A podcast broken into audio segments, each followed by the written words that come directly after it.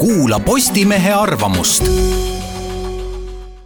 Postimees kuuendal novembril kaks tuhat kaheksateist. Priit Pullerits tagasi lõunasse.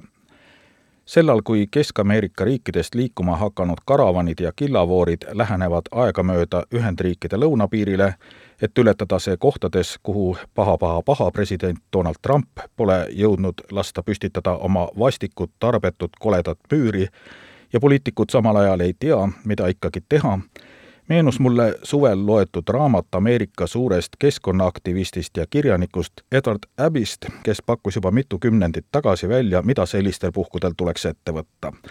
Abby, olgu nõrganärviliselt hoiatatud, oli poeetiliselt karuse stiiliga kirjamees, kelle täpselt viiskümmend aastat tagasi ilmunud autobiograafiline teos Kõrbe üksindus kuulub Ameerika looduskirjanduse klassikasse kuid see, mida läbi Mehhiko liikuvad inimmassid mulle meelde tuletasid, on paar lehekülge tema sõbra Jack Löffleri memuaaridest Seiklused Ediga, Abby portree, mille on muide välja andnud New Mexico ülikooli kirjastus, mis pole sugugi tähtsusetu tõsiasi memuaaride viimases kolmandikus kirjeldab Löhler meeste ühist teekonda Emori mäe otsa Big Bendi rahvuspargis, mis külgneb USA-Mehhiko riigipiiriga. Big Bend asub Texase osariigis, kuhu on lähikuudel oodata nüüdse killavoori esimesi liikmeid.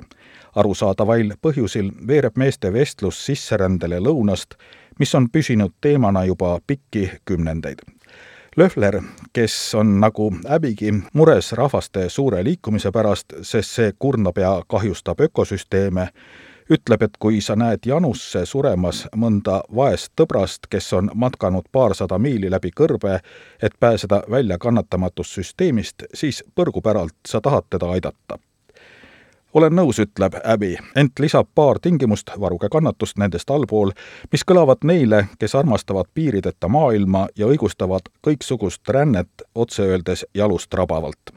Abby, kelle looming keskendus valdavalt isikuvabaduste ja totalitarismi kalduva tööstustehnoloogilise riigi vastuoludele, tuletab Löhlerile meelde, et Mehhikoga piirnevas Californias elab juba miljoneid illegaalseid immigrante ning kui nii edasi läheb, on seal rohkem inimesi, kes räägivad hispaania, mitte inglise keelt. mis sa sellest arvad, küsib Abby. Kui Löhler vastab, et talle meeldib multikultuursus ja meeldib Mehhiko ka, ütleb Abby otse ja ilustamata, nagu ta väljendas end ka oma raamatutes. Mehhiko on tühermaa tänu mehhiklastele. Nad tulevad karjade kaupa Ühendriikidesse, nii et nad võivad ka selle muuta tühermaaks. kui nii jätkub, hoiatab Abby, muutuvad Ühendriigid ühe-kahe põlvkonna pärast selliseks, nagu on Mehhiko. mis on sinu lahendus, küsib temalt Löhler. nagu ma ütlesin, nüüd tuleb see kannatuse järgne osa. Püüame nad kinni, anname neile süüa, anname neile relvad ning saadame nad tagasi lõunasse, et nad lööks minema oma poliitikud ja lööks korra majja selles segaduses, mille on tekitanud omal maal